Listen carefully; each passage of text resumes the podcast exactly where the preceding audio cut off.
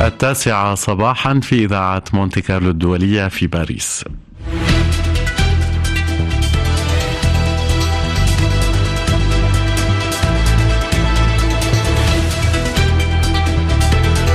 إلى نشر الأخبار مع فايزة مصطفى. صباح الخير فايزة.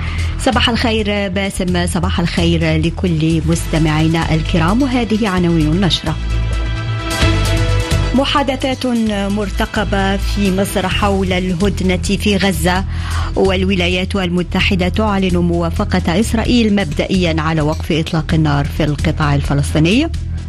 واشنطن تؤكد غرق سفينة استهدفها الحوثيون اليمنيون وتحذر من خطر بيئي في البحر الأحمر. منتدى الدول المصدرة للغاز في الجزائر يدين العقوبات الاقتصادية أحادية الجانب. مونتي كارلو الدولية. نشرة الأخبار. في مستهل الجهود الدبلوماسية الدولية الحثيثة لوقف الحرب الدائرة في غزة من المتوقع عقد اجتماع بالعاصمة المصرية القاهرة اليوم للبحث عن صيغة مقبولة لحركة حماس وإسرائيل بغرض تحقيق وقف دائم لإطلاق النار في قطاع غزة قبل شهر رمضان. بينما تشير مصادر إلى أن إسرائيل لن ترسل وفدا لهذه المفاوضات إلا بشروط. زياد حلبي من القدس والتفاصيل. رغم قبول إسرائيل مبدئيا بإطار باريس لصفقة تبادل مقترحة قرر مجلس الحرب الإسرائيلي بالإجماع عدم إرسال وفد إلى القاهرة أو أي مكان آخر إلا في حال ردة حماس على إطار باريس. وهو ما توقعت مصادر إسرائيلية أن يتم خلال 24 ساعة. آلاف الإسرائيليين تظاهروا ضد الحكومة وطالبوا بصفقة تبادل حيث اعتقلت الشرطة عددا منهم بعد إغلاق شوارع. في الأثناء توجه الوزير في مجلس الحرب غانس إلى الولايات المتحدة بدون موافقة مسبقة من نتنياهو أو التنسيق معه بعد طلب أمريكي حيث يلتقي نائبة الرئيس الأمريكي ومستشار الأمن القومي ومشرعين عن الحزبين الديمقراطي والجمهوري للبحث مسار الحرب على قطاع غزة وباقي الجبهات في ظل استياء أمريكي من انسياق نتنياهو وراء الوزيرين المتشددين بن وسموتريتش زياد حلبي القدس مونتي الدولية وعشية محادثات القاهرة أعلنت الولايات المتحدة عن قبول إسرائيل مبدئيا بنود مقترح هدنة في غزة الأمر الذي لم يؤكده أو لم يؤكده الجانب الإسرائيلي. ميدانيا ومع اقتراب الحرب ليومها الخمسين بعد المئة في القطاع كثفت القوات الإسرائيلية قصفها مناطق في رفح وخان يونس ودير البلح مما أسفر عن مقتل وإصابة العشرات من الفلسطينيين بعد إعلان سرايا القدس الجناح العسكري لحركة الجهاد الإسلامي مقتل وإصابة جنود إسرائيليين في عملية بخان يونس.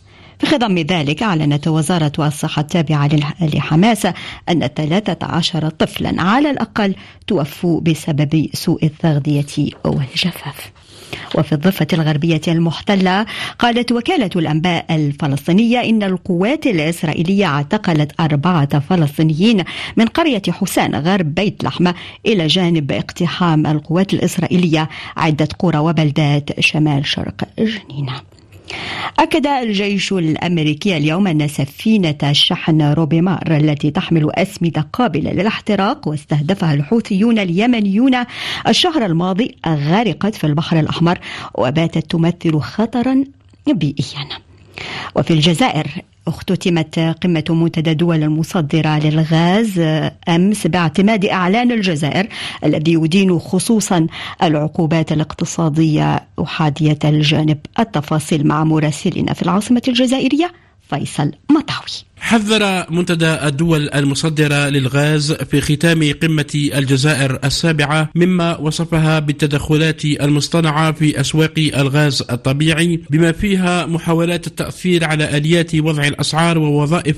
إدارة المخاطر في الأسواق إلى جانب تسقيف الأسعار. القمة عبرت عن رفضها لأي استخدام للتغيير المناخي كمبرر لتنفيذ إجراءات تعيق الاستثمارات في مشاريع الغاز الطبيعي والاستحداث إحداث أي قيود تخالف قواعد التجارة الدولية الدول المصدرة للغاز. بما فيها روسيا قطر إيران نيجيريا وفنزويلا حذرت من تطبيق إجراءات وتدابير جيبائية غير مبررة تحت طائلة ضمان أمن الإمدادات بالطاقة على حساب قواعد أسواق الغاز. فيصل مطاوي الجزائر مونتي كارلو الدولية.